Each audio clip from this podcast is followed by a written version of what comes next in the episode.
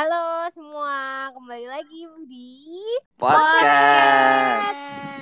Ya balik lagi sama gue Diles. Gue Nia. gue Gatri. Jadi sesuai janji kemarin, kita mau lanjutin bahas topik kemarin tapi sekarang lebih detail. Ya, dan yang kita pilih untuk bahas lebih detail pada kali ini adalah topik yang kemarin udah disinggung lumayan banyak juga, yaitu tentang infeksi menular seksual. Iya, kita bakal bahas tentang IMS atau infeksi menular seksual, tapi sebatas pengetahuan awam aja ya. Uh, terus kayaknya bakal menekankan perihal yang kayak prevention gitu, menjaga higienitas seperti kayak gitu itu.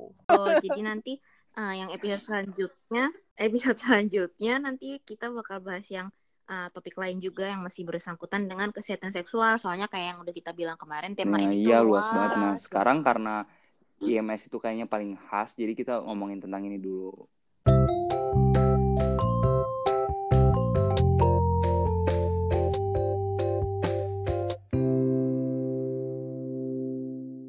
Oke, okay. jadi sebenarnya apa sih IMS itu? Seperti namanya, uh, infeksi menular seksual itu adalah ya infeksi bisa dari bakteri atau virus atau jamur dan lain-lain yang menular melalui hubung aktivitas seksual. Makanya kebanyakan di area genital atau area kelamin. Dan meski bergejala, ada juga yang tidak bergejala kayak COVID, bergejala nggak bergejala bukan berarti dia nggak bisa menularkan. Karena beberapa infeksi ini juga ada window periodnya. Jadi gejalanya baru muncul berapa hari atau minggu setelah uh, bakteri jamur virus itu ada di tempat itu. Tuh makanya bayangin kalau misalnya pas virus uh, virus jamur bakterinya ada di situ terus kalian ganti-ganti pasangan atau nggak pakai pengaman padahal udah terinfeksi bisa nyebarin banyak orang. Ya, dan uh, tadi kan itu melalui aktivitas seksual. Sebenarnya kalau aktivitas seksual itu di sini nggak uh, spesifik cuma penetrasi ya, uh, meskipun memang kebanyakan dari itu, tapi bisa juga aktivitas lain, misal uh, oral atau misal di alat kelaminnya ada lukanya itu juga bisa nularin. Makanya uh, meskipun kebanyakan uh, lokasi infeksinya itu di area kelamin, ada juga yang misal di mulut. Tapi memang yang paling umum ya penularannya itu dari uh, penetrasi itu. Ini juga nanti akan uh, berpengaruh mm-hmm. Iya betul. Cara Jadi menularinnya sebenarnya lewat cairan sperma, lewat uh, cairan vagina dan lewat hmm. darah juga. Makanya bisa sampai ke mulut juga. Kalau misalnya mulut ada luka atau misalnya cairan spermanya masuk ke mulut ya bisa juga menularkan. Iya. Yeah. Nah,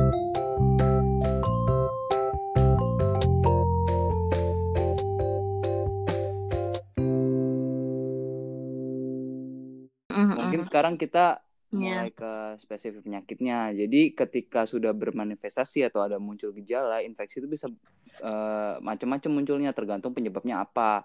Nah, paling gampang tuh kita bedain tiga, misalnya um, ada yang keluar cairan atau nanah, ada juga yang bisa luka seperti sariawan, ada juga yang muncul benjolan.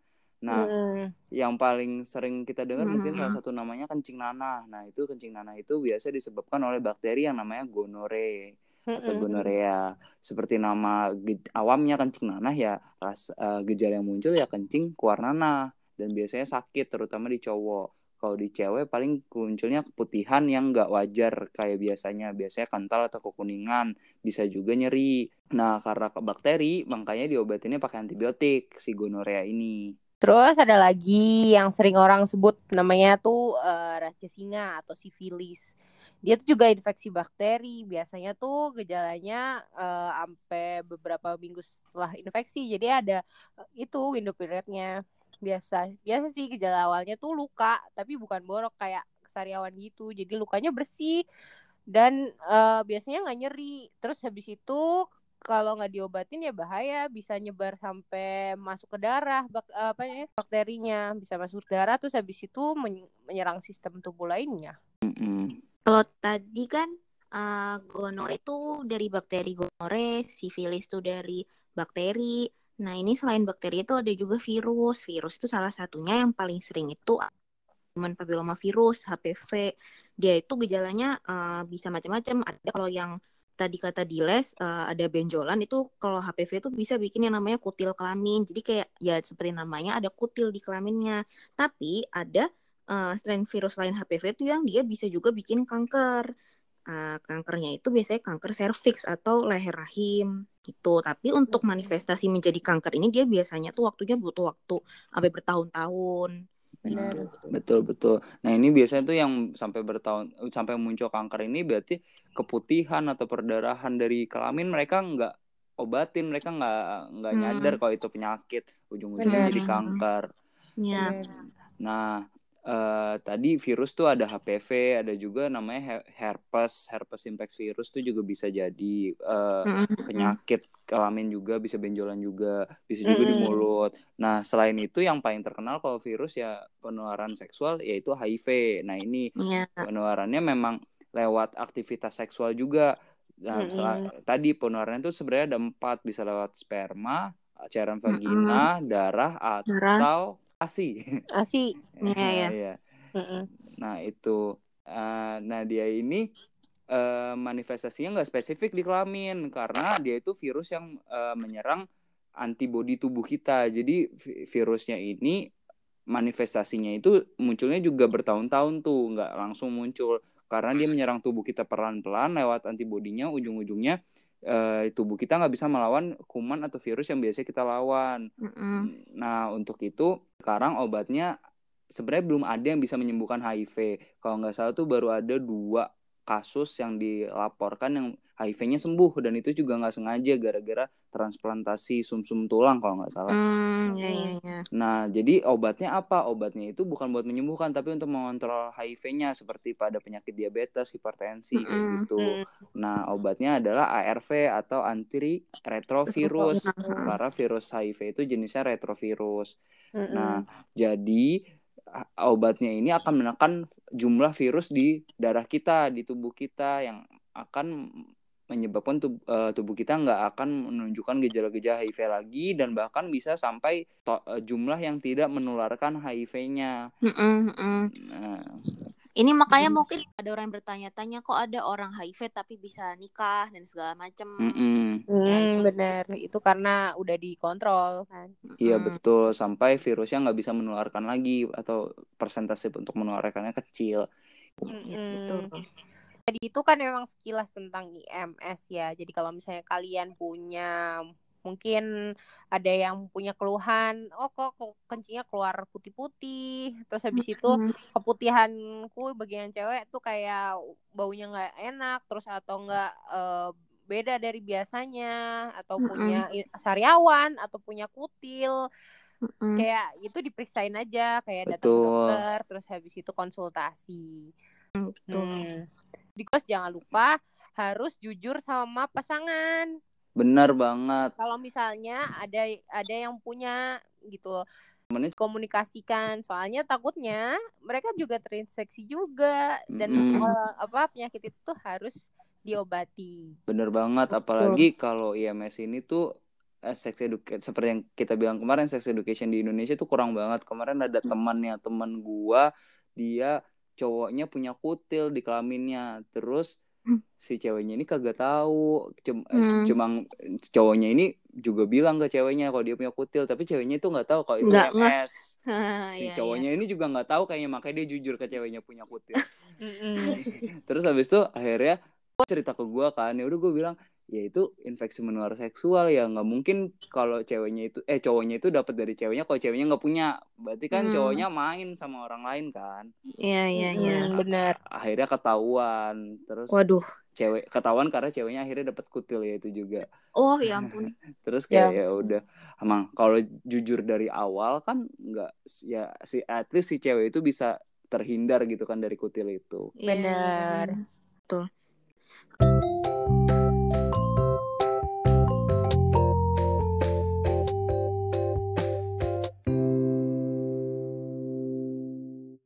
terus sekarang kita bisa uh, masuk ke bagian selanjutnya yang juga nggak kalah penting yaitu tentang pencegahannya. Nah ini kan tadi uh, yang udah Diles bilang meskipun namanya men infe ya, infeksi menular seksual, tapi sebenarnya kan penularannya tuh lewat cairan tubuh. Makanya tadi kan dari ASI juga bisa, jadinya dari ibu menularkan ke anak tuh juga bisa gitu. Tapi untuk sekarang ini kita akan fokus ke uh, aktivitas seksual yang aman dan uh, kebersihan alat kelamin. Untuk uh, aktivitas seksual aman sih kita udah bahas kemarin ya. Intinya sih pakai pengaman, pakai kondom dan nggak berganti-ganti pasangan lebih bagus lagi kalau abstain atau memang tidak melakukan hubungan seksual dulu. Tapi selain itu ada juga hal-hal yang perlu diperhatikan saat berhubungan seksual. Misalnya penggunaan kondom itu sendiri, hmm. nggak semua orang juga bisa pakai kondom dengan benar karena nggak ada yang ngajarin juga kan. Hmm. Uh, selain itu cara penggunaan kondomnya juga harus diperhatiin. Nah, kondom itu bukan dipakai sekali satu pasangan tuh satu kondom, tapi setiap ganti aktivitas juga ganti kondomnya misalnya dari misalnya dari hubungan penis masuk ke vagina terus tiba-tiba mau oral seks ya itu bis, uh, harusnya ganti kondomnya juga betul, terus mi misalnya dari anal seks tiba-tiba mau ke depan itu juga mm -hmm. harus ganti soalnya yeah, kan yeah. itu suatu wadah yang berbeda kumannya beda. Betul betul. Benar. Bayangin aja dari anus yang uh, biasanya tempat buat ee pindah ke yeah. depan itu kan kumannya beda bah bikin penyakit sendiri. Iya yeah, betul. Nah terus misalnya pakai sex toys nah itu juga nggak boleh diganti-gantian sama orang lain ya punya sendiri pakai sendiri. Jangan sharing karena karena nggak ada duit. Iya benar itu untuk hubungan seksual ya. Terus yang gak kalah penting itu menjaga higienitas anak alat kelamin. Yang paling simpel kalau misalnya lagi pipis, habis eh ya dicuci gitu. Secara teori sih lebih bersih, uh, lebih bersih cuci pakai air daripada dilap pakai tisu doang karena emang resiko iritasi lebih kecil. Uh, terus jangan pakai sabun ya. Uh, sabun itu kadang-kadang emang kayak ada pH-nya terus habis itu pH-nya uh, alat kelamin kita tuh beda jadinya bisa mengganti kayak lingkungan di situ. Nah, betul. Bakteri-bakterinya yang di situ yang seharusnya baik untuk kita malah jadi jahat kalau misalnya lingkungannya ganti gitu. Mm -hmm. Sering banget tuh iklan sabun sirih yeah. ya. Ya, yeah, kan nggak cuma sabun sirih sih intinya emang banyak banget diiklankan sabun-sabun alat kebersihan asal eh, kebersihan kelamin wanita padahal sebenarnya nggak perlu juga iya. sabun itu. Apalagi kalau sabunnya tuh ada wangi wanginya ada alkoholnya itu ada alkoholnya nanti nah, malah bikin iritasi itu sering banget tuh gue belakangan ini baru tahu juga kayak banyak cewek yang pengen itunya wangi. Karena hmm, nggak hmm, perlu iya. emang baunya normalnya kayak gitu. Iya, kalau wangi itu malah aneh. Sebenarnya ini tuh buat pelajaran buat cowoknya juga kayak iya. ya ah lo kayak lo gak usah bayangin apa pagi baunya cewek bau mawar atau iya apa, itu tuh emang bukan buat lu endus endus bau wangi itu bener. Kayak aneh deh. Jangan berekspektasi aneh-aneh ya maksudnya. Iya, emang penis lo juga wangi aja apa sih? Iya. Jadi uh, kadang uh, cewek juga kan kadang gitu bisa karena tuntutan juga kali ya. Padahal sebenarnya kan mm -hmm memang kalau bau banget sih berarti mungkin ada infeksi. Ada yang salah. Ada, inf ada, ada yang salah, mungkin ada infeksi. Tapi kalau sekedar bau normalnya cairan vagina tuh ya udah emang kayak, emang gitu. kayak gitu, memang nggak memang nggak wangi. Iya. Nggak kayak wangi mawar gitu atau parfum desainer. iya, jadi tenang aja, semuanya juga rata-rata kayak gitu kok. Karena kalau dipakein sabun itu nanti malah bisa iritasi, bisa malah mungkin lebih gampang uh, infeksi. Iya, lebih gampang infeksi. Terus ada juga nih uh, untuk apa rambut pubis, pubic hair itu kan banyak yang uh, sering nyukur sampai benar-benar abis gitu ya. Kalau enggak sampai di waxing yang benar-benar kinclong. bersih itu sebenarnya juga nggak disarankan karena dia juga bisa bikin iritasi. Mm-hmm. sebenarnya kan kalau pubic hair itu dia fungsinya untuk mengurangi gesekan sama kayak ram apa uh, bulu ketiak juga. Jadi kalau misal beneran sampai kinclong colong colong itu itu malah bisa bikin iritasi. Apalagi kalau uh, pakai cukuran itu kan bisa bikin lecet juga kalau nggak hati-hati. Atau waxing yang beneran ditarik mm. itu kan juga bisa bahaya kalau nggak hati-hati mending bagusnya tuh ya dipotong kalau memang terlalu panjang jangan, jangan ngelukain kulitnya lah cering cering mm -hmm. gitu betul. Mm. Karena memang lebih Iya, sensitif terus kan habis itu pubic hair tuh areanya. juga membuat area yang dalam dalamnya tuh lebih kering. Kan seharusnya eh, areanya tuh nggak terlalu lembab supaya jamur nggak muncul, bakteri lain tuh nggak muncul gitu. Iya Termasuk betul. juga kalau misalnya eh, untuk menjaga area yang supaya eh, area kemauan supaya nggak lembab, yang cewek-cewek itu harus sering ganti pembalut. Hmm. Bisa kayak ti- tiga jam Betul, betul, sekali betul. harus diganti sebenarnya idealnya. Mm. Ah, Ya, apalagi kalau lagi Mm-mm. mens yang beneran sehari bisa sampai banyak Mm-mm. banget itu ya harusnya sering-sering diganti. Hair tuh beneran fungsinya buat barrier sih Mm-mm. emang ya kesannya karena ya melindungi dari eh, gesekan sama celana, apalagi kalau celananya Mm-mm. terlalu ketat misalnya itu juga dilindungi. Ini juga kembali lagi kayak tadi eh, wangi apa vagina ini juga cowok kan kadang ada yang ih jijik ada apa hutan. namanya ada rambutnya lah segala macam kayak Iya, emang lu gitu juga loh cukur kayak apa gitu. punya lo sebersih apa sih ya udah itu tuh ada gunanya di situ Mm-mm. jadi Iya. Normalize it dibiasain gitu. aja Iya. Your body, your choice. iya normalize Nah, kalau betul betul ngomongin higienitas cowok, paling yang paling sering yaitu sirkumsisi ya. Kalau sir orang masih belum sirkumsisi sih, Hmm, tapi itu betul, ya itu tadi kembali itu pilihan. Tapi sirkumsisi itu emang banyak gunanya ya. Uh, Hmm. selain hormon bla bla bla, tapi Mm-mm. berguna banget buat kebersihan karena sirkumsisi itu membuang ekstra lipatan kulit di penis lo. Jadi ketika banyak lipatan kulit itu banyak kotoran yang numpuk di situ dan kalian kan nggak mungkin bersihin sering-sering juga kan Mm-mm. karena itu kotorannya cepet banget numpuknya. Nah itu makanya gunanya sirkumsisi. Mm-mm. Nah, nggak kalah penting Hmm, lagi yang oh tuh sunat maksud bahasa gua. awamnya sunat ya kalau Iya, misalnya benar. nggak tahu Iya, sirkumsisi itu sunat. Nah, selain itu juga ada satu lagi yang nggak kalah penting kalau kita Hmm. ngomongin pencegahan yaitu imunisasi atau vaksin. Nah, buat perempuan. Nah, dari usia Mm-mm. 12 tahun gitu biasanya, tapi biasanya sih idealnya buat yang sudah mulai seks eh, yang sudah atau mau mulai seksually aktif ya, walaupun belum sampai pada umur 20-an terus sudah seksually aktif ya Mm. di diguna eh, divaksin HPV dulu. Nah, sebelum vaksin. HPV itu biasa kalau misalnya sudah seksually aktif disarankan pap smear dulu. Ah Pap iya smear, betul Mm-mm. pap smear atau IVA tes, tapi ya eh, beberapa sih sekarang sudah pakai pap smear ya. Kalau Mm-mm. Hmm. pap smear itu buat apa sih? Jadi nanti diambil sampel dinding cervix di tempat lo, cairannya, terus dicek apakah sudah ada eh, tanda-tanda keganasan. Soalnya kalau eh, kalian sudah berhubungan seksual itu pasti ada kemungkinan sudah terkena HP, eh, ada kemungkinan terkena HPV atau sudah mulai tanda-tanda awal kanker serviks. Mm-mm. Hmm. Nah, kenapa harus dites dulu? Karena percuma kalau lu divaksin HPV tapi lu udah kena gitu loh kan intinya. Iya. Iya. Ya, harusnya malah diobatin bukan dikasih vaksin. Nah, Mm-mm. nggak usah takut sih. Ini beberapa temen gue juga pada takut untuk pap smear karena Mm-mm. mereka mikirnya harus ada izin dari keluarga, dari orang tua. Hmm. Pa- Enggak. Nah, iya padahal enggak, apalagi kalau lu udah di atas umur 18 tahun karena. Hmm. eh, keputusan udah di tangan lo. Jadi nggak usah takut. Dan Mm, itu hasilnya juga yang tahu lo doang, nggak bakal Hmm. disebarin ke bapak ibu lo atau tetangga lo. Iya. kecuali lo ngajak orang tua lo Nah iya kecuali Buat ngajak orang apa? tua lo. Hubungan juga pada takut tuh, kayak sampai sekarang juga pada nggak ngetes. Setakut misalnya amit-amit tuh pikirannya bakal kena kanker. Kayak sipnya kalau lu amit-amit kanker, semakin lo tahu makin cepat itu makin bagus. Iya betul Karena Bener. makin peng- bagus pengob- eh, pengobatan dan kemu itu makin nggak ada gitu loh. Pengobatannya juga makin Iya, iya. ringan. maksudnya cepat ditanganin kan intinya makin baik tentunya Iya, Iya bener. betul.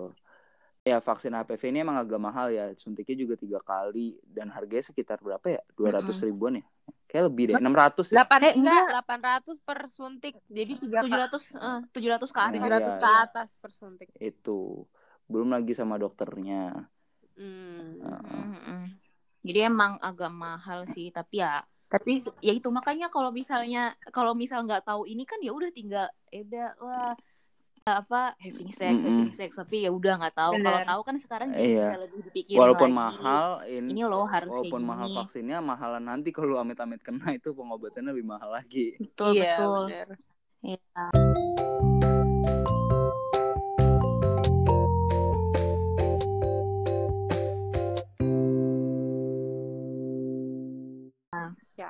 Gitu. Jadi Nah. mungkin perlu diingat ya, terutama yang mudah diaplikasikan tuh kayak menjaga higienitas, terus habis itu Mm-mm. eh, melindungi diri sendiri dari infeksi dan pasangan Mm-mm. dengan melakukan Betul, perilaku betul. seksual yang benar. Iya betul. Ya A B C D E. Iya. A B C Apa tuh E. kemarin? Apa tuh? Kok kok gue yang yang ngomong A itu abstain, itu apa? be faithful, C. condom, D. E. drugs. Nice. itu diingat-ingat ya betul.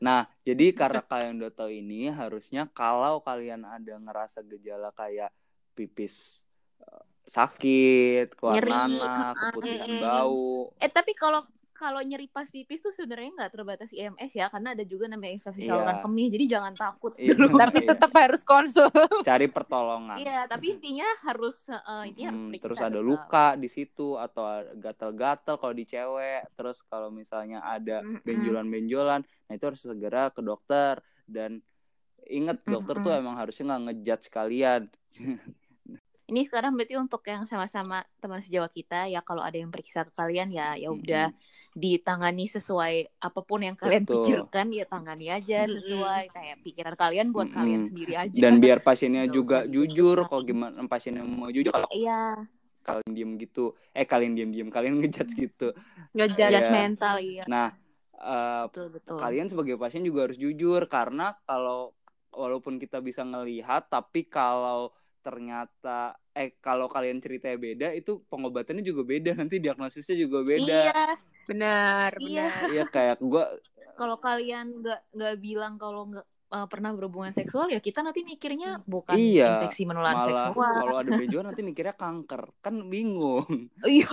Mm-mm. makanya harus jujur sebenarnya nah terus kalau misalnya kalian terutama cewek-cewek kayak cowoknya ada gejala kayak gitu nggak us eh, nggak usah Iya. polos-polos banget berarti mereka kalau lu nggak selingkuh berarti cowok lo yang selingkuh itu Betul. harus diingat Nggak mesti kayak juga sih maksudnya Biasanya. eh, ya, Iya. kalau Iya. pasangan kalian Kalian. ada gejala iya kalau kalian nggak main berarti pasangan kalian yang main udah prinsipnya itu betul karena dari dari mana lagi iya jangan terlalu polos deh udah umur segini iya betul sekali.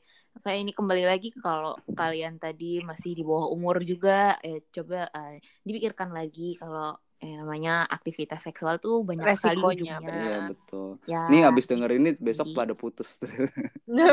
Loh loh loh loh. Loh, kenapa Kenapa putus? karena pada main pasangannya. Aduh.